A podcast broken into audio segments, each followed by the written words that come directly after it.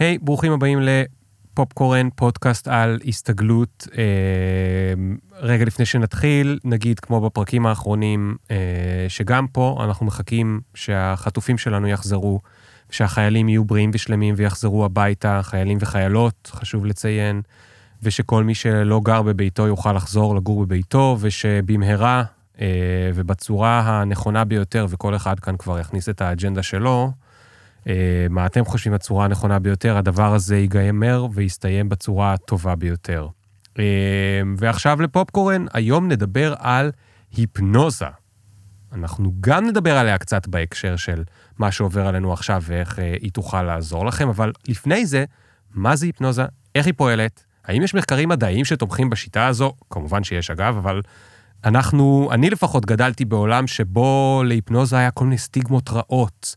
אה, נגיד, אני חושב שעדיין אנשים לא יודעים האם זה חוקי או לא חוקי להפנט, למה יש לזה סטיגמה של משהו שהוא מסוכן, האם גם אני יכול ללמוד להפנט, האם האורחת שלנו תאפנט אותי בשידור חי, אנחנו לא יודעים, אה, לאיזה בעיות או צרכים אפשר להשתמש בזה, ועוד הרבה מאוד שאלות על הדבר הזה שמאוד מאוד מרתק אותי. אה, וגם נדבר על איך תוכלו להפנט את עצמכם. זאת אומרת, אני מקווה שגם תלמדו היום משהו מאוד מאוד אה, אה, כלי מועיל שתוכלו להשתמש בו, ובטח בתקופה הזאת שהרבה מאיתנו נוכל להשתמש בו לדברים טובים. ולשם כך הבאנו היום את טליה, טליה טיטיון גרין, אמרתי נכון? נכון. פסיכולוגית קלינית מומחית בפסיכולוגיה חיובית, ריסטארט למוח, שינוי הרגלים. יש לה רישיון משרד הבריאות להיפנוזה, אז כבר אני עושה ספוילר לחלק מהשאלות ש... דיברנו עליהם. יש לה תואר ראשון בפסיכולוגיה מתל אביב, ותואר שני בפסיכולוגיה קלינית, ותואר שלישי בפסיכולוגיה חיובית בארגונים, והיפנוזה בבית הספר לרפואה באוניברסיטת תל אביב, זאת אומרת, אספה לעצמה הרבה תארים, בין לבין היא גם, יש לה הרבה מאוד זמן להפנט, ולא רק, היא כבר 30 שנה מטפלת, מרצה ומלמדת איך אפשר, בין השאר, לאזן את רמת הלחץ והחרדה שלנו, איך לנהל את הקשב והאנרגיה שלנו. אה, בסופו של דבר היא רוצה לעזור לנו לחיות חיים יותר טובים, בריאים, בעלי משמעות, להישאר צעירים בגוף ובנפש, ואני מכריז עכשיו שהפרק הזה יהיה מוצלח, אם אחד משני דברים יקרו.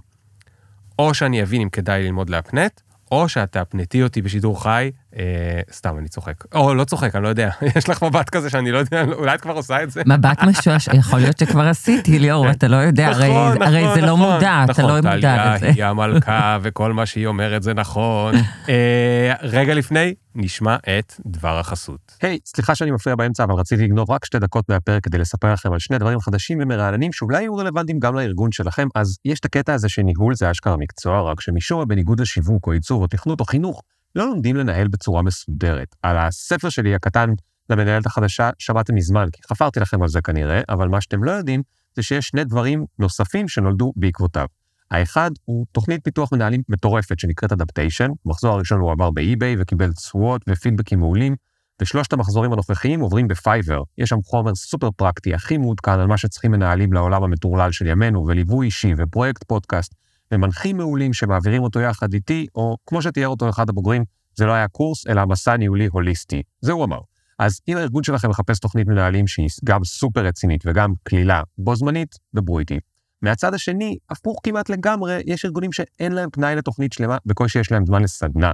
יש להם המון מנהלים ומנהלות שרוצים ללמוד, אבל אין להם רגע אחד פנוי. אז עבורם הכנתי משהו אחר שאני קורא לו לפעמים בשם הטיקטוק הניהולי. זו סדרה של סרטונים של עד חמש דקות, שכל אחד מהם בנפרד מלמד טכניקה אחת סופר פרקטית בניהול. זה מהיר, נמרץ, משעשע, כיפי, יש כבר שני ארגונים בישראל, בואו נגיד לא מאוד קטנים ולשנייה לא חשוב שמות, שאלפי המנהלים שלהם בקרוב יתחילו לצפות בשיעורים האלה. נשמע רלוונטי? דברו איתי. יאללה, בואו נחזור לפרק. הרי בשביל זה באתם לפה, לא? לפני שנתיים רכבתי לי על האופניים ביום, אה, ביום גשום, ולא סתם רכבתי על אופניים, ככה קיבלתי החלטה לא כל כך טובה, וזה לרכב על אופניים בנמל תל אביב, שהדק שם מאוד חלקלק. נכון, אני יודע מניסיון אישי. וואי, וואי, וואי. בדיוק, ואז רץ ככה ילד, ואני בלמתי, ולא רק שבלמתי, אה, אני, לפ... אני בעצם, למה הייתי בנמל תל אביב? כי לקחתי את האופניים לשם לתקן את הבלם הקדמי, שזה בלם שכמעט אף פעם לא משתמשים בו. והבחור שתיקן לי אותם אמר, אני בדקתי את זה, אבל אם את רוצה, תבדקי שוב. אמרתי, בסדר, אני סומכת עליך, לא צריך לבדוק. אז מתי החלטתי לבדוק את הבלם הקדמי, ליאור? זה קצת מביך, כן? הקבלת החלטות שלי לא הייתה כל כך לא יודעת איפה היא, מה קרה לקבלת החלטות באותו רגע. אה, כנראה הייתי אולי במצב של טראנס באמצע הרכיבה על אופניים, לא יודעת. בלמתי בין נמל תל אביב על הדק החלקלק בגשם עם בלם היד הקדמי. ואז מה שקרה זה כמו בסרטים מצוירים, אני עפתי כמה מטר לגובה. וואו. והתרסקתי, וכתוצאה גם מהתאונה הזאת, אני עברתי בשנתיים האחרונות שלושה ניתוחים, התרסקה לי הכתף, אחר כך היה לי ריסוק גם בכף היד. וואו. שני ניתוחים של אה, פלטות וברגים בכף היד ובכתף, ובניתוח השלישי, שהוציאו לי גם את הפלטה, אה, כי היא גרמה לי לכאבים בגיד, הם גם בטעות גרמו לי לשיתוק, שיתקו לי עצב ביד. אז ככה ש... וואו. אני ביליתי הרבה מהשנתיים האחרונות. איך את מדברת על זה ככה בשיקום. בשובבות נפש? אני, כי, אה, תראה, יש לי, יש, אני גם תמיד אומרת לאנשים, אה, ככה, החיים, קורים לנו כל מיני דברים בחיים, ואני מכל דבר כזה, מכל משבר כזה, תמיד לוקחת אה, כל מיני אה, דברים אה, ככה שאני מוסיפה לארגז הכלים שלי, ואם אני לומדת להתמודד, אז אני מלמדת עוד אנשים להתמודד. נגיד איפה לתקן ללמוד- אופניים. בדיוק, אני יכולה לעשות מדריך איפה לא לטייל באופניים, לא, לא, או בג... לא לטייל באופניים בגשם. כן. או המדריך לקבלת החלטות גרועות, אחד, שתיים, שלוש. אז, אה, אז זהו, אז אחרי שקצת אה, ככה צחקנו על זה, אבל באמת, אה, מה שכל הרופאים והפיזיותרפיסטים אמרו, זה שהם לא ראו שיקום כל כך מהיר, וזה בגלל שאני משתמשת בטכניקות אה, שהן לקוחות מנוירופלסטיות של המוח, ממדעי המוח, וגם אה, מריפוי עצמי שמבוסס על היפנוזה עצמית. ואת זה אני כבר גם מלמדת המון אנשים בשלושים שנה האחרונות. אוקיי. והגעתי לזה, אנחנו אחר כך אולי נדבר על איך הגעתי לזה ככה לפני בערך איזה 30 שנה, כשהתחלתי, או 29 שנה, שהתחלתי עם ההיפנוזה העצמית. אז, אז רק נתחיל רגע מהקטע של אני, כשהייתי ילד באייטיז, היפנוזה היה מישהו שעושה ככה עם אה, מטוטלת, או עם אה, איזושהי מדליה, וגורם לזה שמעולו, אה, ב, נכון, היה בקרובים קרובים, יורם גאון הפך להיות בול עץ, או אני לא נכון. זוכר מה, והוא מאבד קשר עם המציאות, וזה כמו הליכת ירח כזה, נכון? הוא כאילו מתפקד וכאילו מדבר, אבל זה לא באמת הוא, עד שנאמרו מילות הקסם, ושם הוא יצא על ההיפנוזה. עכשיו, לדעתי, מה שתיארתי לך עכשיו זה החינוך שיש לרוב הישראלים על מהי היפנוזה. בבקשה, ספרי לנו את האמת. כן. ליאור, קודם כל אני רוצה להגיד לך שזה לא רק לישראלים, גם הרבה אנשים בעולם גם חושבים על זה. היפנוזה סובלת מיחסי ציבור שליליים, כי אנשים הופנטו לחשוב שזה משהו אחר ממה שזה. אז יש המון מיתוסים בעצם. ואני חושבת שהמיתוסים האלה, כל המיתוסים שבהיפנוזה משתלטים עליך, ויכולים לגרום לך לעשות דברים שאתה לא רוצה, או אנשים שמפחדים שאולי הם ייתקעו ולא יצאו מזה, או מאבדים שליטה, המיתוסים האלה ברובם באים מבלבול שיש לאנשים. אנשים מבלבלים בין היפנוזת במה שנועדה לצרכים של בידור, שקוסמים היו עושים. שקוסמים לא, לא היו, גם עושים את זה עדיין ברחבי העולם. וגם כשאתה רואה היום מנטליסטים, אני גם נפגשתי עם נמרוד הראל ועם uh, סושארד, שהם פגשו אותי במסגרת היותי בעלת תפקיד ובע, uh, ובעלת רישיון להיפנוזה, כי הם רצו לה- להעלות השגות או לבטל את חוק ההיפנוזה, שתכף נדבר עליו. כי לפי החוק הזה בעצם אסור להם לעשות כל מיני דברים שהם עושים על במה, אוקיי? אוקיי. כי זה אז בלבול בין מה שרואים לבמה לבין... בדיוק. זה בלבול בין מה שאתה רואה, שקוסמים עושים, או, או מנטליסטים, לבין היפנוזה שהיא מדעית, רפואית, נעשית על ידי אנשי מקצוע בצורה מאוד מאוד אה, אחראית ומוסמכת. Mm, ואנשים שעוסקים בזה בארץ, גם יש להם רישיון. אז אני אספר קצת מה קורה בארץ וגם מה קורה בעולם. אז בארץ זה אפילו עוד יותר מחמיר מאשר מה שקורה בעולם, כי בארץ כדי לעשות בהיפנוזה, אתה חייב רישיון. אז רק לרופאים ולפסיכולוגים שלמדו, עמדו בבחינות כחוק וקיבלו רישיון, רק להם מותר לעסוק בהיפנוזה. mm. אה, ולכן כשאתה הולך למישהו שיש לו רישיון לעסוק בהיפנוזה, אז אתה יודע שהוא עבר הרבה מאוד הכשרה ובחינות, והוא באמת מוסמך לעשות את זה, והוא עושה את זה בצורה הכי בטוחה, אז ככה שהיפנוזה זה לא מסוכן אם אתה הולך למישהו עם רישיון, זה א', ב', מה שהמון אנשים שואלים אותי תמיד, האם זה חוקי? אז זה חוקי אם עובד, עוברים את זה אצל, על ידי איש כן. מקצוע שיש לו רישיון כחוק. כן. אבל היפנוזה עצמית למעשה זה משהו שכל אחד יכול ללמוד אותו, ואני אה, מאוד מאמינה בזה, שבעצם זה, אני מסתכלת על זה כמו הנחיות לשימוש במוח, איך אנחנו יכולים להשתמש בעוד חלקים במוח, איך אנחנו יכולים להגמיש את המוח שלנו ולגרום לו אה, להפיק את המיטב. אה, ולכן אני תמיד, גם כשאנשים מגיעים אליי לכל מיני, לתוכניות טיפול, לטפל בכל מיני דברים, תמיד אני גם מלמדת אותם ונותנת להם כלים להיפנוזה עצמית. Okay. זה אוקיי. יכול להיות או הקלטות שאני מקליטה להם שהן מיוחדות להם, או שיש לי בכלל ארגז כלים שלם ללימוד היפנוזה עצמית, ששם ממש יש איזה 100 סרטונים עם הדגמות ועם uh, הקלטות אודיו, כי אני מאוד מאמינה שבן אדם צריך שיהיו לו גם את הכלים לטפל בעצמו. לטפל בעצמו. אוקיי, וקל אבל בואי לדוג. נתחיל רגע מ... מ... לפני שתלמדים אותי גם איזה משהו. מה, איך זה עובד היפנוזה? אוקיי. אז מה, מה קורה שם? אז אני אסביר את זה. בעצם הרבה פעמים אנשים שואלים אותי, מה זה היפנוזה, ומה ההבדל בין היפנוזה ובין מיינדפולנס או מדיטציה וכן הלאה. אז אני אסביר. היפנוזה היא בעצם, אני קוראת לזה מצב שהוא relaxed focus, כלומר פוקוס רגוע. המוח נכנס לאיזשהו מצב תודעתי אחר, מצב של טראנס, שבו גלי המוח פועלים באופן אחר, הם יותר איטיים, הם יותר רגועים. יש uh, תחושה מאוד נעימה במצב הזה, תחושה מאוד רגועה, מוזרמים חומרים, uh, הורמונים מאוד מרגיעים וטובים למוח. ובמצב הזה המוח הוא הרבה יותר גמיש, הוא הרבה יותר נוירופלסטי, אם אתה שמעת את המושג הזה, ליאור, מוח גמיש, הרבה מאוד מדברים על זה. ומראים את זה גם, רואים מה קורה למוח במצב הזה, היום יש צילומים של FMRI, functional MRI, אז ממש רואים שבמצב הזה יש אזור במוח שפועל, זה האזור שאנחנו עובדים עליו, ושאר האזורים הם בתת פעילות. זה כאילו שאתה נכנס לבית ועושה חושך בכל החדרים, ורק בחדר שבו אתה עובד, על הנושא שעליו אתה עובד, יש אור. Mm. אז האור הוא הרבה יותר מרוכז בעוצמה, כי אתה מתעל את כל העוצמה לתוך אותו חדר. אז זה מה שקורה בהיפנוזה.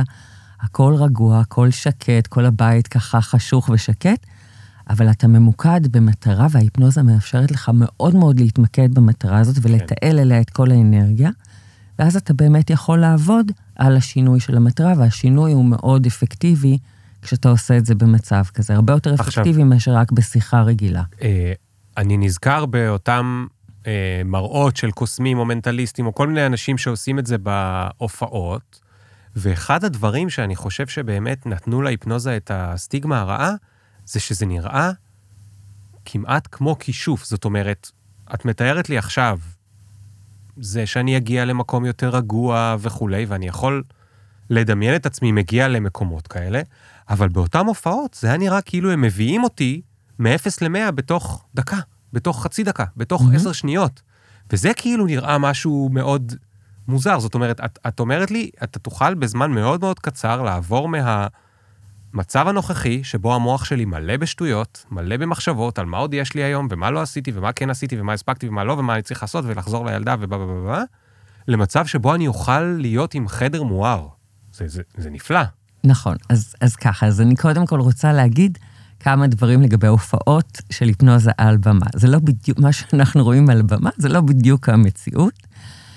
אז אה, קודם כל, אה, אה, הם בוחרים במיוחד אנשים להופיע שהם מאוד מאוד סוגסטביליים. סוגסטביליים, זה בעצם בא מהמילה suggestions, זאת אומרת שהם מאוד מושפעים מסוגסטיות שניתנות להם. למעשה, יש ארבע, ארבע דרגות עומק של היפנוזה. יש לי גם שאלון, אם זה מעניין אותך, אני אשלח לך את השאלון ותוכל לעשות אותו ולראות באיזה דרגה אתה. אז אני תמיד, כל מי שבא אליי, אני גם מאבחנת אותו. יש היפנוזה קלה, בינונית, עמוקה ועמוקה מאוד. אז בהופעות האלה לוקחים אנשים שהם יכולים להיכנס להיפנוזה עמוקה מאוד, שזה רק איזה בין 10 ל-20 אחוז מהאנשים, והם יכולים להיכנס מאוד מאוד מהר להיפנוזה ממש מיידית, והם מאוד סוגסטיביליים. אז רוב האנשים הם לא ככה, אוקיי? אוקיי. אז הם בוחרים במיוחד אנשים כאלה, בגלל זה זה גם נראה ככה. דבר שני, כן אפשר גם להיכנס למצב היפנוטי מאוד מהר. אני למשל יכולה לעשות את זה תוך ככה כמה שניות, אבל זה כי אני גם, מתורגלת. יש לי סוגסטיביליות גבוהה, וגם אני מאוד מתורגלת, אז כן. ככל שאתה מתרגל יותר, כמו כל קישור, כל uh, דבר שאתה מתרגל אותו, אתה עושה את זה יותר טוב ויותר מהר ויותר חלק. אז לאיזה... גם זה קישור שאפשר לתרגל. איזה דברים ההיפנוזה באה לפתור או להתמודד איתה? זאת אומרת, מתי mm. בן אדם מגיע למצב שבו אה, רופא, או אני לא יודע מי, או רופאה, מייעצים לו, אומרים לו, תלך לעשות טיפול אה, היפנוטי. אז, אה, אז ככה, קודם כל, אה, היפנוזה אפשר, היא כלי מאוד יעיל שיכול לעזור לנו בשני מישורים, או במישור המנטלי או במישור הפיזיולוגי. אם זה במישור הפיזיולוגי הגופני, זה מאוד יעיל לטיפול בכאבים, כאבי ראש, גב, כאבים כרוניים. אה, זה מאוד מאוד יעיל למחלות פסיכוסומטיות, פיברומיאלגיה, סינדרום המעי הרגיז, אלרגיות למיניהם, בעיות עור למיניהם, אפילו יבלות ויראליות אפשר לרפא. באים אליי גם המון אנשים, הנה אפילו בזמן האחרון הגיעו אליי, אני הופעתי באיזה פודקאסט של ריפוי של מחלות, הגיעו אליי הרבה אנשים גם עם, אה, אפילו עם טרשת נפוצה, והגיעו אליי אה, הרבה אנשים עם סרטן, אני גם עזרתי להרבה מאוד אנשים עם סרטן, וזה מאוד עוזר לתופעות לוואי של הטיפולים הכימותרפיים, לתת המון אנרגיה. וגם יש מחקרים שמראים שזה אפילו מחזק את המערכת החיסונית ועוזר להתמודד הרבה יותר טוב עם הגידול. ומה שאני חייבת לספר פה איזה קוריוז, זה עוד משהו מאוד מאוד חדש, אני, זו פעם ראשונה שאני מספרת את זה אצלך, ליאור. הגיעה אליי מישהי עם טרשת נפוצה, כתוצאה מאותו פודקאסט של ריפוי מחלות, והתחלנו אה, אה, את הטיפול לפני איזה חודשיים, ולפני שבועיים, כעבור חודש וחצי, היא אומרת, אני חייבת לספר לך משהו. עכשיו, אותה בחורה, היא כבר חצי שנה, אז רגע, למאזינים שאולי לא יודעים איזה טרשת נפוצה, זה מחלה אוטואימונית שבה הגוף תוקף את עצמו וגורם למעשה לשיתוק שהולך ומתפשט. כלומר, יש פגיעה בתאי העצב, mm-hmm. ויש, ואי, ואין להם את ה...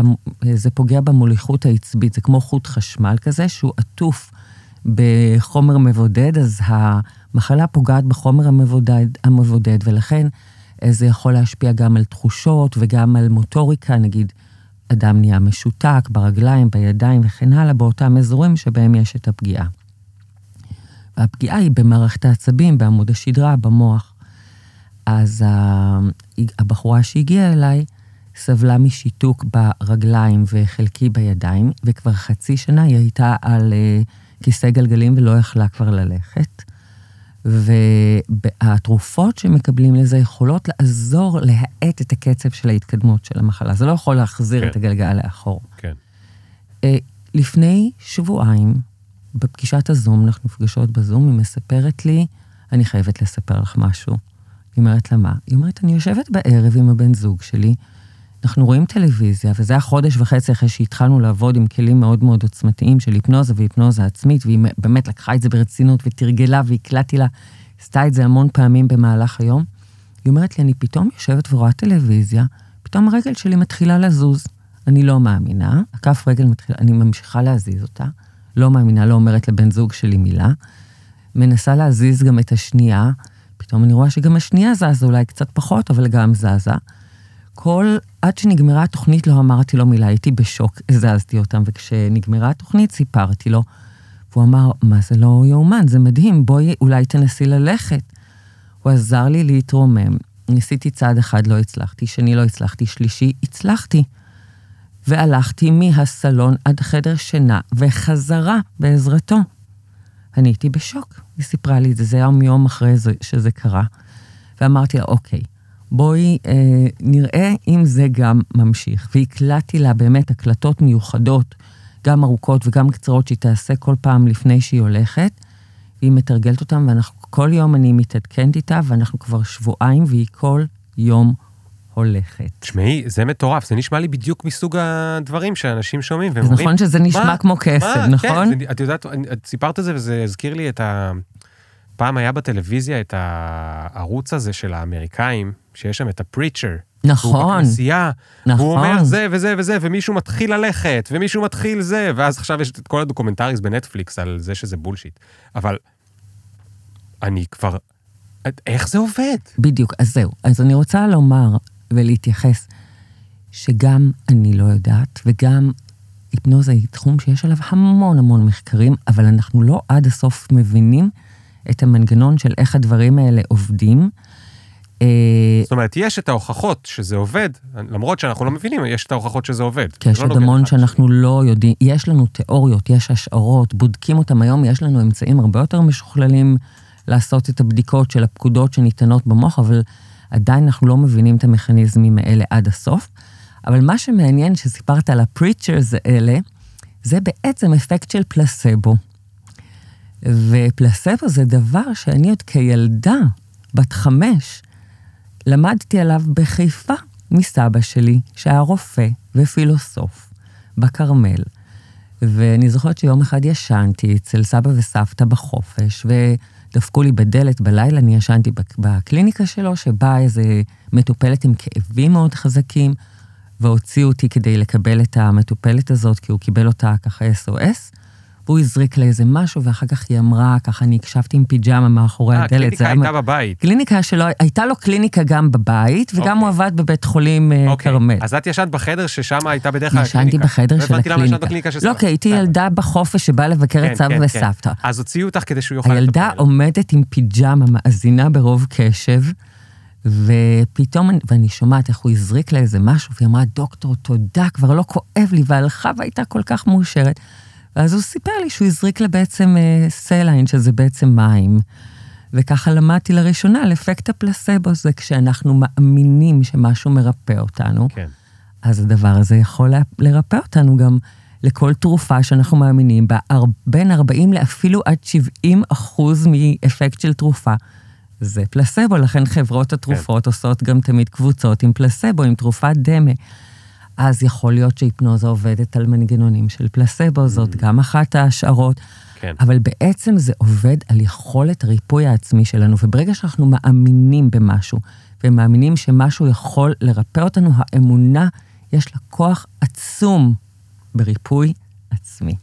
תגידי, רגע לפני שנגיע להיפנוזה העצמית, כי אני, אה, אני רוצה שתלמדי אותי איך אה, לעשות את זה לעצמי, אני, יש לי איזה שהם זיכרונות שמשהו עם העלייה מרוסיה, אה, ושברוסיה היו מהפנטים אנשים בניגוד לרצונם כדי לגלות, אני, אני, הזיכרון שלי... אני שמעתי על זה שהם סיפורים על זה, אבל ממה שאני יודעת, אה, אתה לא יכול להפנט מישהו כנגד רצונו. אוקיי. אתה לא יכול להפנט מישהו. אם למישהו יש התנגדות, אז הוא לא יתפנט. זאת אומרת, אתה חייב ל- ל- לעשות, לעשות את זה עם שיתוף פעולה. גם אנשים שעושים את ה... הקוסמים האלה שעושים את זה על כן. במה, אנשים באים ומתנדבים מרצונם כן. להשתתף כן, בדבר. ואמרת זה עוד יותר קל, כי הם עוד יותר... אה, הם מאוד מאוד. אה, סוגסטיביליים. אוקיי, כן. אוקיי, אוקיי. אז, אז בסדר, הבנתי. אה, עכשיו אני מבין גם שהסיפור שלך בהתחלה על ההבראה היותר מהירה מכל ה... מהתאונה של האופניים. אה, את אומרת שזה כנראה עזרת לעצמך, הצלחת לעזור לעצמך עם ה... למשל, יש מחקר שהראה, יש מחקרים שמראים שכשאתה אה, אה, משתמש בהיפנוזה עצמית, אפילו בריפוי של עצמות שנשברו, יש קיצור של אה, שליש מזמן ההחלמה אל מול קבוצה שלא השתמשה בהיפנוזה עצמית. יש המון המון מחקרים מדעיים כן, שמפורסמים בז'ורנלים מאוד רציניים, בסייאנס, בנוירוסייאנס. יש מעבדות היפנוזה מאוד רציניות בסטנפורד, בהרווארד, חוקרים מאוד רציניים, ואני, בכלים שאני משתמשת, גם בקורסים, גם בסדנאות שאני מלמדת, וגם uh, כשמגיעים אליי אנשים לתוכניות של טיפול, אני משתמשת רק בכלים שהם הוכחו מדעית על ידי מקורות מוסמכים, okay. כמו הרווארד, כמו סטנפורד, לוקחת את הכלים הכי טובים, וגם מתוך הניסיון שלי, שניסיתי כן. עם אלפי מטופלים שעבדתי איתם. אוקיי. אז, אז יאללה, בואי תלמדי אותנו משהו. מה, מה אני יכול לעשות לעצמי? נגיד, אני עכשיו, אה, כואב לי הגב בזמן האחרון, קצת יותר. אולי זה קשור או לא לזה שיש לי ילדה חדשה. אה, ואיך אני יכול להשתמש בהיפנוזה עצמית, ו- ואיך עושים את זה בכלל? אוקיי. אז קודם כל, כאב יכול להיות קשור ל- ללחץ, זאת אומרת, גם שיש לך ילדה חדשה, אז פחות ישנים ויש יותר לחץ ויותר דאגות, וכשאנחנו יותר לחוצים ויותר בדאגה, זה בא לידי ביטוי גם בזה שהשרירים בגוף אה, מתכווצים, כי אנחנו נכנסים לאיזשהו מצב של היקון כזה, מצב של fight or flight. אז כשהשרירים מתכווצים, ומתכווצים לך השרירים של הגב התחתון, אצל כל אחד זה גם יכול להיות באזור התורפה או אזור החולשה שלו, זה יכול לגרום גם לכאבים. אז זה איזשהו הסבר, ומה שאתה אז יכול לעשות, זה למשל להרפות את השרירים שלך. אתה יכול להשתמש בהיפנוזה, יש כל מיני כלים. אתה מכניס את עצמך למצב רגוע מאוד, ואתה יכול או להרפות את השרירים שלך, אתה יכול גם אה, לתת לעצמך הצעות למוח, שהשרירים יותר נינוחים, ולבנות את זה בצורה נכונה ומתאימה, ויש כל מיני טכניקות. אז אני ככה יכולה לנסות איתך אם בא לך. יאללה. אה, משהו, אבל נעשה משהו מאוד מאוד מקוצר ומאוד מהיר. כן. אני אשתמש איתך כאן בטכניקה של פרופסור שפילברג, שהוא מאוניברסיטת סטנפורד, וגם יש לו גם בכלל אפליקציה של אה, היפנוזה, ונורא מעניין, של היפנוזה עצמית. אז אה, הוא מלמד טכניקה של איך בדקה להיכנס למצב של אה, היפנוזה עצמית. וואו. ואז ככה אפשר לתת לך הנחיות אה, לגבי הגב שלך, ככה אפשר לנסות את זה, בואו ננסה. אני- אני או שזה. יעבוד לנו, או שאנחנו ככה... בסדר? אה, ואני גם אה, הקלטתי אה, הנחיות של איך לעשות את זה, אז אה, יש את זה גם אה, מוקלט, של איך להיכנס למצב היפנוזה, אז אני אשמח לצרף לך לינק שתוכל לצרף גם למאזינים. בשמחה, בשמחה. של איך אה, אתה נכנס למצב של היפנוזה עצמית. אוקיי, אז בואו אז בוא נתחיל. מה שאנחנו נעשה ככה, אני אתן לך הסבר. אה, גם הצופים יכולים, אה, המאזינים יכולים לעשות את זה, רק לא תוך כדי נהיגה, אני כן. מזכירה, אם, אם מאזינים של ולא אם אתם. מחזיקים תינוק. ב- לא אם מחזיקים, כן. לא אם מחזיקים תינוק, לא אם אה, עוסקים בפעילות אה, כן. כלשהי, לא לא אם אתם באמצע במילואים פעילות. עכשיו, לא במילואים, לא, בדיוק, לא. זה ככה, כשיושבים נינוחים בבית, אפשר לנסות. כן. אז ככה, אז אני קודם אסביר, ואז אנחנו ניתן לך את ההנחיה. אז אתה לוקח, אה, אתה מרים את העיניים, מתבונן כלפי הגבות שלך עם האישונים. זה אפילו, כן, אפילו טיפ-טיפה כואב ככה, נכון? אתה שם לב, זה קצת... אוקיי, ולוקח שאיפה, זה אחד. שתיים, אתה נותן לעיניים לעצם, ולוקח נשיפה מאוד מאוד עמוקה. אני רואה שכבר התחלת לעשות, אני קודם מסבירה, אחר כך נעשה. בסדר, מקסימום אני אכנס פעמיים אחר כך. בשלוש אתה נותן לעצמך ככה לצנוח אה, מטה-מטה. בארבע אתה מוצא את עצמך צף לך על ענן מאוד נעים, או באגם ככה מאוד כיפי, שאתה ממש בתחושה של ציפה ונינוחות. ובחמש אתה נותן ליד שלך להתרומם מעצמה. לים, ליד. עכשיו, אם יהיה לך קושי כזה, היא לא תתרומם, יש הרבה אנשים שהיא מתרוממת מאליה, וזה ככה סימן שאתה באיזשהו מצב של טראנס, אתה יכול גם לעזור לה עם היד השנייה. אוקיי. אבל ככה, ואז אתה במצב של טראנס. ואז כשאתה במצב הזה, המוח יותר גמיש, ואנחנו יכולים לתת את ההנחיות. אז תכף אוקיי. אנחנו נתחיל את זה. אז בואו רגע נדבר על איזה הנחיות אתה רוצה שניתן לך לכאב גב, מה... קצת תספר לי על הכאב גב שלך. אמ, נראה לי להרפות את השרירים זה אחלה. שנ- את השרירים של הגב. התחתון. כן, כן. כן. ומה אה, מה אתה כדי שאני מרגיש? אוכל לישון... מה אתה מרגיש כשכואב לך הגב? עכשיו אתה מרגיש את הכאב גב הזה, ליאור? לא. ברגע זה אתה לא אבל אם מרגיש הייתי אותו. מתכופף או מרים אה, טבעת יותר גדולה, כן. צריך לקחת אותה למיטה נגיד בלילה כן, לפעמים, כן. אז אני מרגיש. אז אתה מרגיש את הכאב גב. אוקיי, בסדר. אז, אה, אז זאת אומרת, ניתן אני לך... מתרגש, זה טוב שאני מתרגש או שזה פוגע? לא, זה נהדר. אה, אוקיי. שאני לא לא יודע אם האדרנלין... לא, זה הכל בסדר. אוקיי. אמ, אז אה, מה שאני רוצה להגיד לך, ההנחיות, זה יהיה שכאשר אתה הולך לישון, אתה תיקח לך כמה נשימות, אפילו תעשה לך את התהליך הזה, ותגיד למוח שלך עכשיו להרפות את השרירים ולהרפות את שרירי הגב, להרפות את השרירים בכל הגוף, להתמקד בשרירי הגב התחתון, להרפות אותם, וכרגע שרירי הגב רפואיים ורגועים. אתה מרגיש נינוחות וקלילות בגב, אתה יכול להירדם בקלות וכן הלאה. אז אה, אנחנו ניתן את ההצעות האלה, ואתה תוכל לעשות את זה גם לפני השינה. אוקיי, אז עושים את זה עכשיו? כן, בוא נעשה יאללה. את זה. אוקיי.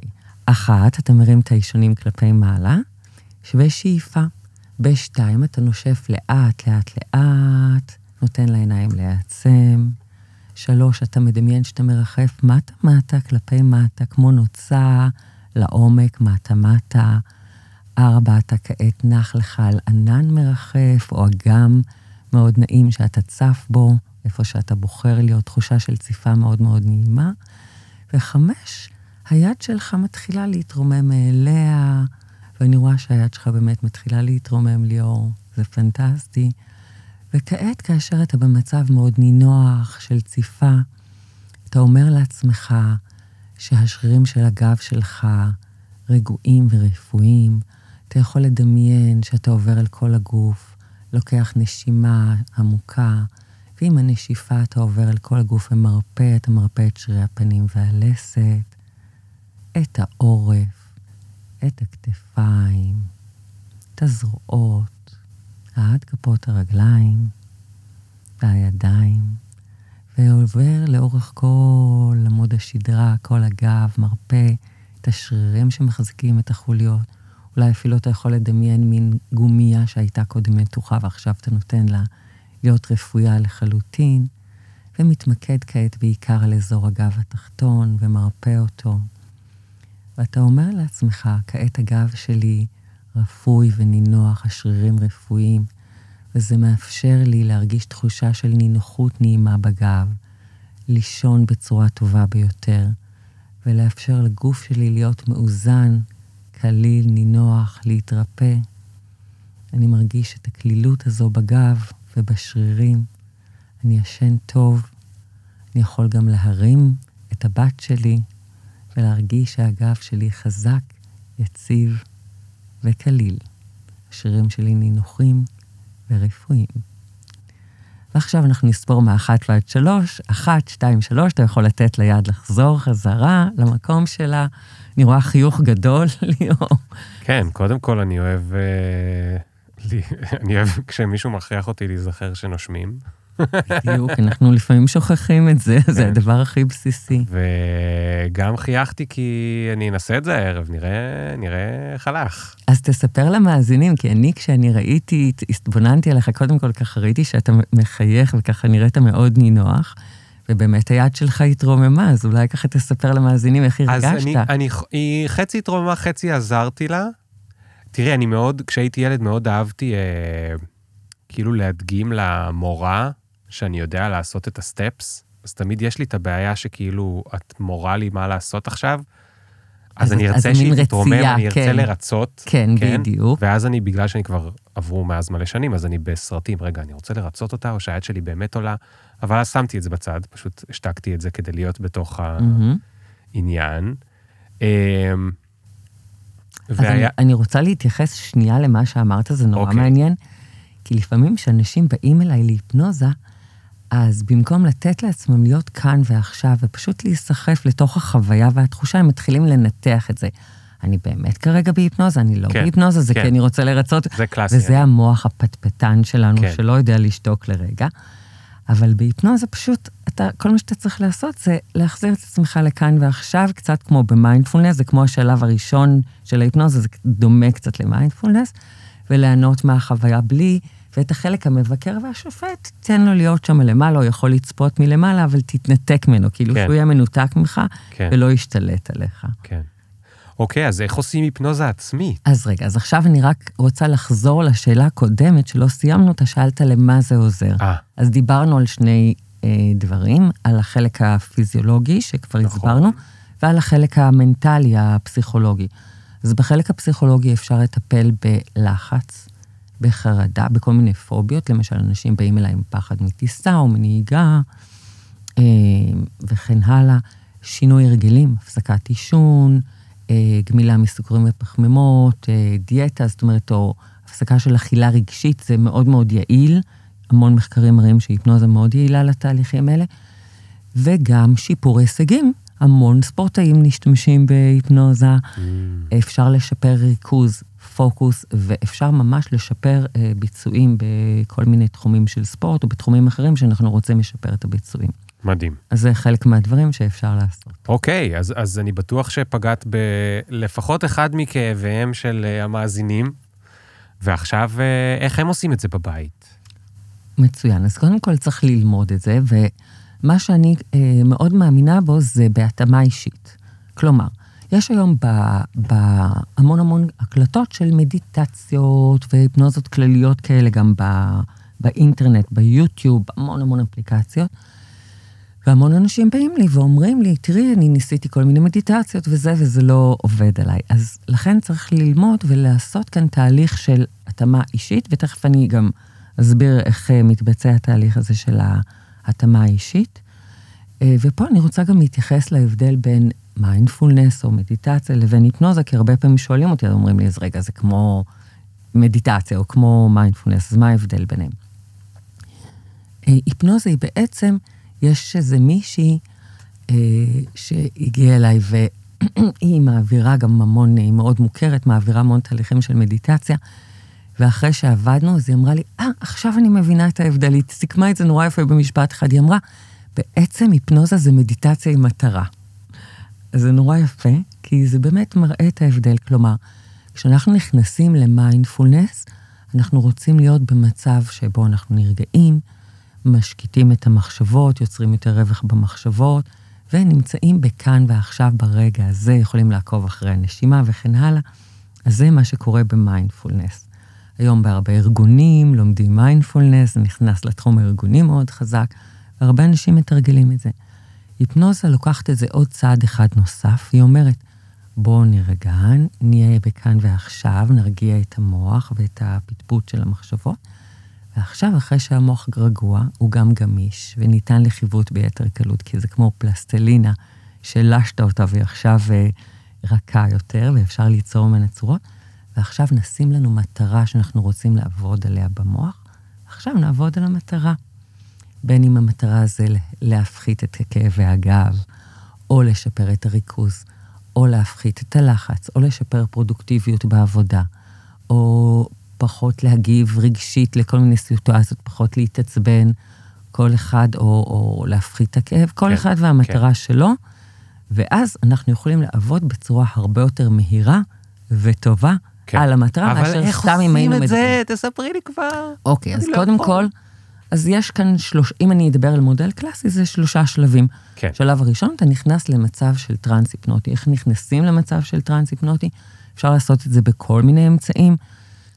יש דרך נשימות, דרך הרפיות של שרירים מסוימות, יש אימון אוטוגני שבו עושים הדמיות שיש חלקים בגוף שנעשים יותר חמימים או יותר כבדים. אפשר דרך מיקוד של עין בנקודה, אפשר, כמו שהזכרת קודם, שעון, אז אתה מתמקד על מטוטלת או משהו כזה. אה, אז יש המון דרכים להיכנס, ומה שאני עושה, יש לי גם קורס כזה שהוא מלמד שבע טכניקות אה, להרגעה שמותאמות אישית. כל אחד מנסה את השבע טכניקות הכי הכי אה, טובות שיש, אבל לא כל טכניקה מתאימה לכל אחד. אז מודדים את רמת הלחץ לפני, עושים את הטכניקה, ואחר כך אחרי עושים את זה במשך כמה פעמים. ואחרי כמה פעמים כל אחד יודע מה הטכניקה או הטכניקות שהכי מתאימות לו. ואז הוא משתמש בטכניקות שמתאימות לו. כי למשל, אני לימדתי אותך עכשיו איזו טכניקה כזאת זריזה מהירה, לא יודעת אם זה בהכרח מתאים לך או לא, צריך גם להתנסות בזה. כן. אז למשל, יש עכשיו אה, שני ארגונים שלקחו, עשו לה... רצו שאנשים אצלם יהיו יותר רגועים וימצאו את הדרך המתאימה להם להירגע, ואנשים נורא נורא נהנו, כי הם החליפו ביניהם חוויות, מה הטכניקה שלך טובה ומה הטכניקה שטובה לך, זה מין תהליך כזה שאתה מודד לפני כן. ואחרי את רמת הלחץ. וזה נורא נחמד. אז כל אחד מוצא את הטכניקה שמתאימה לו, ואחרי שהשתמשת בטכניקה ואתה יודע מה מתאים לך, אתה יכול להיכנס למצב הרגוע הזה, שהמוח הוא גמיש, אתה יכול אפילו להעמיק אותו. למשל, להעמיק אפשר לספור מ-10 עד 1, או אפשר לדמיין שיורדים במעלית, יש כל מיני טכניקות של להעמיק את זה עוד יותר. ואז בשלב השני אתה מכוות את המוח, או אתה שם לך את המטרה שאתה רוצה לעבוד עליה. יש פה המון המון כלים, יש כל מיני כלים, יש אה, כל מיני סוגים של הדמיות או תסריטים שאנחנו בונים לעצמנו במוח. למשל, טייגר ווד, שחקן הגולף האגדי, משתמש בזה, הוא למשל מדמיין איך הוא הולך לתת את החבטה הקרובה כל פעם לפני שהוא נותן את המכה, הוא גם מתרגל את זה הרבה בבית בדמיון, וגם ממש לפני שהוא נותן את החבטה, הוא עושה הרס על כזה חזרות בדמיון, תסריטים. זה משפר לו מאוד את החבטה. זאת אומרת, אז יש כל מיני כלים שאפשר לעשות בהם שימוש, או אפירמציות כאלה, משפטים שאנחנו בונים למוח, ויש כללים של איך, איך נכון לבנות את המשפטים האלה, אה, כדי שהם ייכנסו, וכשאתה במצב הזה של הטראנס, זה נכנס הרבה יותר טוב. או שאתה יוצר אסוציאציות במוח, למשל. משנה אסוציאציות קיימות, כי המוח פועל דרך כישורים. הרבה פעמים כישור, אתה מקשר משהו למשהו, למשל. יש אנשים שבאים אליי והם רוצים להפסיק לעשן, אז הרבה פעמים מקשרים עישון להנאה, או עישון להפסקה. אז מה שאנחנו עושים, אנחנו מפרידים את הקישור הזה שהם עושים במוח, יוצרים קישור חדש, אפילו קישור של עישון לגועל או לאדישות או משהו כזה. אבל רגע, אם אני עושה היפנוזה עצמית, איך אני... אני צריך לתכנן את זה לפני? אז זהו, כן. קודם כל, מומלץ, אז קודם כל צריך ללמוד איך לעשות. זה לא ככה על רגל אחת, צריך ללמוד איך לעשות ההיפנוזה העצמית. צריך לדעת איך לבנות את זה בצורה שמתאימה לך, וגם צריך לתכנן לפני. מומלץ, נגיד אם אתה רוצה אה, לעשות לך איזה תסריט וכן הלאה, ואתה כבר יודע מה הדרך הנכונה שלך להיכנס להיפנוזה, אז אתה, כדאי שתכתוב לך את זה לפני, או תקליט את זה, יש גם שיטות של איך להקליט לך את זה. ואז כשאתה בתוך המצב ההיפנוטי, אתה לא צריך להתאמץ ולהיזכר כן, או כן. לחשוב מה אני צריך לעשות, כי אז אתה יוצא מהמצב ההיפנוטי. כן. אז אתה משתמש באחת מ... יש המון המון שיטות או טכניקות, ואחר כך אתה בעצם, השלב השלישי זה אתה יוצא מהמצב ההיפנוטי, למשל, אתה יכול לספור מאחת עד עשר ולהגיד, אני עכשיו חוזר לערנות מלאה, אני ארגיש נפלא. אתה נותן לעצמך גם סוגסטיות פוסט-היפנוטיות, כלומר של אחרי ההיפנוזה, או עכשיו, מעכשיו, כשאני אלך לישון, אתה יכול להגיד לעצמך, ליאור, אז uh, כל פעם שאני אלך לישון, הגוף שלי יירגע, שרירי הגב שלי יירגעו ויהיו, יתרפאו ויהיו רפואיים, וזה יאפשר לי להיכנס למצב נינוח ונעים של שינה, של שרירים רפואיים, ואז אתה נותן לעצמך את ההנחיות האלה, שהגוף יתחיל להתרגל אה, לעשות את הדברים האלה גם במציאות היומיומית, גם כשאתה לא במצב של כן, היפנוזה. אז אפשר... כן.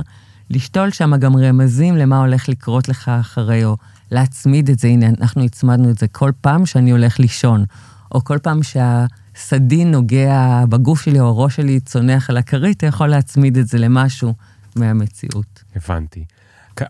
אמרת לי אמ, לפני שקבענו, שעכשיו במלחמה, אמ, את גם מצאת דרך להשתמש בהיפנוזה כדי לעזור ל, לאנשים. אני עכשיו מדמיין סתם, נגיד שאני אה, חס וחלילה נמצא במעגל הנפגעים, ועכשיו אה, אני רוצה לעשות איזושהי היפנוזה, ו, ואני מרגיש רע, כי החיים שלי ב, ב, ב, כאילו נוראים בגלל מה שקרה לי. Mm-hmm. זה לא שאני אגיד לעצמי אחרי ה... ב- בסוף ההיפנוזה, עכשיו החיים שלי יהיו נפלאים. לא, נכון? לא. קודם כל, אני רוצה רגע אה, אה, להגיד, להגיד כמה דגשים מאוד חשובים. כשאתה מדבר על מעגל הנפגעים, אם זה בן אדם שהוא טראומטי, פוסט-טראומטי, לא מומלץ לעשות היפנוזה עצמית. שוב, אני חוזרת, יש מקרים שזה לא מתאים. לא בכל מקרה היפנוזה מתאימה, וגם לא בכל מקרה היפנוזה עצמית מתאימה. אז למשל, אני רק רוצה, וזה חשוב לי כאן להגיד למי זה לא מתאים, זה לא מתאים לאנשים עם הפרעת אישיות קשה, כמו בורדרליין, זה לא מתאים לאנשים פסיכוטיים או סכיזופרנים, או עם מניה דיפרסיה, זה לא מתאים לאנשים עם אפילפסיה, וזה לא מתאים לאנשים עם פוסט-טראומה, זאת אומרת, גם אנשים האלה צריכים ללכת לאיש מקצוע מוסמך, כן. שיעבוד איתם וימצא את הכלים שמתאימים להם. כן. אז כשאתה מדבר על אם במעגל הנפגעים, אז אני לא, זאת אומרת, אני לא, אם זה מישהו שהוא בטראומה או בפוסט-טראומה, אני לא הייתי ממליצה. אם זה מישהו שהוא בלחץ או בחרדה, אז הוא יכול, יש כל מיני דברים שהוא יכול בהחלט לעשות בעצמו. אבל כל אחד שכשהוא חושב מה לעשות בעצמו, שאם הוא באמת חושב שהמצב שלו יותר, אה, אם זה מצב שמפריע לו ככה אה, לתפקד, אז מומלץ ללכת לאיש מקצוע מוסמך כן. ו- ולקבל עזרה. כן. את יודעת מה מטורף? את, את מדברת, ואני ראיינתי פה אה, לפני כמה פרקים, יחסית בתחילת המלחמה, את עומר זרחיה, שהחברה שלו אה, עוסקת בשימוש אה, רפואי בפטריות פסילוסיבין mm-hmm. לנפגעי פוסט-טראומה. כן. והאזהרות שהוא נתן היו בדיוק אלה. זאת אומרת, הוא אמר, אה, אה, שאלתי אותו באופן כללי על פטריות, אז הוא אמר, בלי האיש הדרכה, זה לא עובד אותו דבר, כי אתה יכול להגיע למצב הבאמת הנוירופלסטי, אבל אם אין שם את מי שידריך אותך עכשיו מה לעשות, כשיש את ה, במילים שלך את האור בחדר הנכון, מהמם. אז אה, זה, והוא אמר, בטח לא מי שהוא, ואז הוא אמר, הפרעה דו-קוטבית. כן, אומרת, כל הדברים לגמרי. שאמרת, את אותן האזהרות, שזה עוד יותר מחזק אצלי את הסיפור הזה של ה... ש... ש... ש... כאילו, את האמון בדבר הזה. כן. זאת אומרת, זה באמת ה... ה... ה... זה קצת קשה לנו, לה... את מבינה, אני יושב פה כל הזמן, ואני כאילו, אני איתך, אבל אני גם עדיין בספק, כי... מצוין, אני חושבת שספק זה דבר בריא. נוירופלסטיות, ספק זה דבר בריא, ואנחנו כן. גם, גם עצמנו לא מבינים את זה עד הסוף, כן? כן, עוד חוקרים את זה. זה שאנחנו סקרנים וספקנים זה מצוין, כי אנחנו רוצים לחקור ולשאול וללמוד כן, עוד, זו כן. תכונה נהדרת. כן. אני כן. רוצה להתייחס למה שעומר זרחיה, שסיפרת לי עכשיו שהוא אמר לך. גם פטריות, גם פסילוסיבין, ועכשיו יש טיפולים באמת, גם אה, אה, אה, עם מיקרו-דוז וכן הלאה, אה, ויש הרבה מחקרים גם על זה, והשתמשו בזה גם בשנות ה-70 וה-80, יש גם ספר וסרט בנטפליקס על זה. גם פטריות וגם היפנוזה הם שניהם מצבים שמכניסים אותך למצב תודעתי אחר. ואז אתה נכנס למצב תודעתי אחר בהיפנוזה, אתה עושה את זה באופן טבעי, ללא שימוש בחומרים. ואז מאוד חשוב לקבל את ההדרכה או לדעת מה לעשות כאשר אתה נמצא במצב הזה. כן, כן. כי זה מצב שהוא יכול להיות לך מאוד מאוד טוב ומיטיב, אבל יש מקרים או יש אנשים שזה לא כל כך בריא עבורם, אה, ולכן אה, באמת צריך לדעת מה לעשות. לכן אמרתי כאן את האזהרות, כן. ואז אז מי שבאמת יש לו רק איזה מצב של סטרס, או הוא במתח, או הוא רוצה ככה לשפר את התפקוד שלו וכן הלאה, אז הוא יכול אה, להשתמש בזה, הוא יכול להשתמש בזה גם כדי להרגיע את עצמו, כן. לעשות ככה הפסקות קטנות של רוגע, להוריד את רמת הסטרס ולהתאזן לאורך היום, וגם כדי לשפר את הריכוז ואת הקשב. אני מדברת, הנה עכשיו אני התראיינתי בפודקאסט אה, של mindset לפני אה, שבוע, ודיברתי שם על איך לעשות restart למוח באמצעות הכלים האלה, אז restart למוח, אנחנו כל היום יושבים בעבודה, כן. מוצפים, יש חדשות וזה, ואנחנו, רמת הלחץ שלנו הולכת ועולה, אז עם הכלים האלה אפשר גם להוריד את רמת הלחץ, להרגיע את עצמנו, לעשות ריסטארטים או איזונים קטנים כזה, כמו שעושים למחשב, כדי שהמוח שלנו יפעל יותר טוב. אני מקשיב למה שאמרת, וזה היה גם בפסילוסיבין, בפרק עם הפסילוסיבין, זאת אומרת, אנחנו נמצאים במצב תודעתי שונה. ואז מעניין אותי לשמוע האם יצא לך להיות במקרים שבהם היו, היו לך דילמות אתיות, כי יש אצלך עכשיו מטופל או מטופלת במרפאה, בקליניקה, ואת איתם עכשיו נמצאת במצב שאת קצת, לא יודע איך להגיד, את כאילו קצת בתוך המוח שלהם, אוקיי? בס- בסלנגית אני אגיד את זה. או. יותר נכון, יש לך את הכלים לשחק שם בדברים, שזה גם אחריות מאוד גדולה. מאוד גדולה. ואז יכול להיות שהם, זאת אומרת, להיות יותר רגוע, או שלא יכאב לי הגב, בסדר, זה מטרות שעליהן אין, אין מה להתווכח. נכון. כולם רוצים להיות יותר רגועים ושלא יכאב נכון. להם הגב.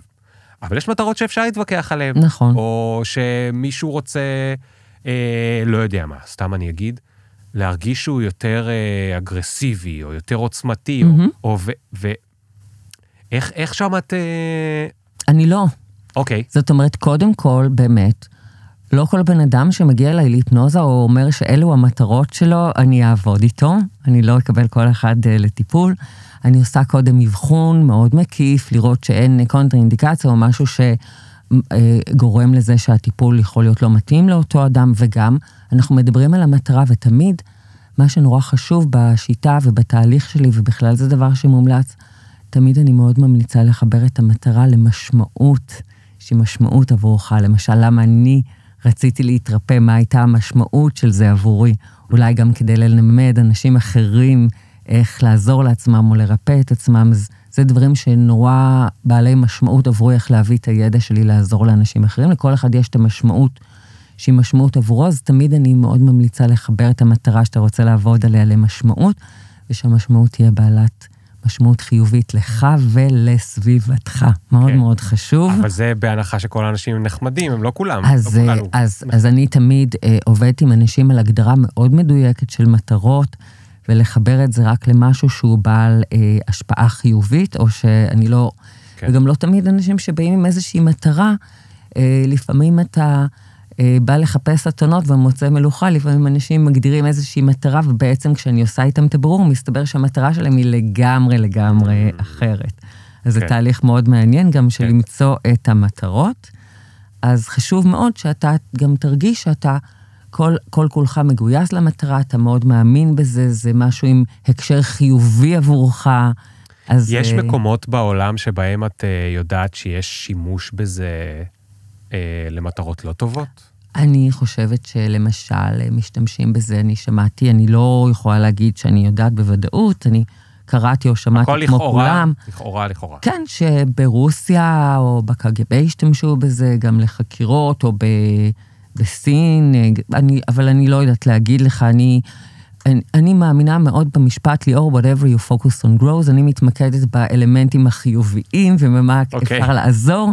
יש אין ספור מידע, אז אני יותר קוראת ולומדת על איך אני יכולה לא, לעזור. כי את יודעת, זה סתם מעניין אותי מבחינת הזה, כי יש נגיד ברטלין, זה אחלה תרופה להפרעת קשב ריכוז, אבל יש, שמענו לפני, לא יודע, נגיד עשר שנים, שמענו שבסיליקון וואלי הם היו מתחילים, המתכנתים היו לוקחים את זה הרבה יותר ממה שהם צריכים, כדי נכון. להיות מרוכזים נורא. נכון. יש לזה גם תופעות לוואי. זה תופעות לוואי, זה או- מקשה להירדם אחר כך, זה יכול ליצור הלוצינציות, כל מיני כן, תופעות, זה לכל זה דבר. סם. כל סם כן. יש לו תופעות לוואי. כן. היפנוזה, אין לה תופעות לוואי, זה משהו טבעי, ואני רוצה רגע עוד, להגיד לך עוד משהו, ליאור. מדהים. אתה שואל אותי כל כך הרבה, אז אני רוצה שתבין, זה מצב טבעי שכולנו נמצאים בו במשך היום.